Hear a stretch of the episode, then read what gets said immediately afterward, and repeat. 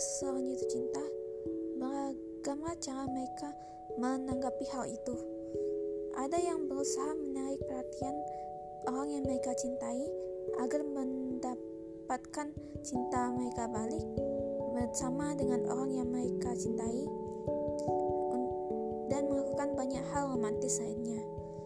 Ada pula yang diam, tidak melakukan apa pun, dan memendam rasa mereka selamanya. Bagi mereka cinta itu tidak penting. Ada hal banyak yang lebih penting dari itu. Hal itu itu pun tidak salah.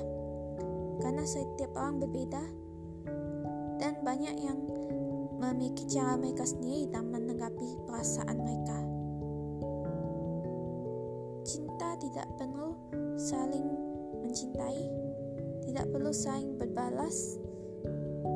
Mencintai dalam adalah hal yang wajar.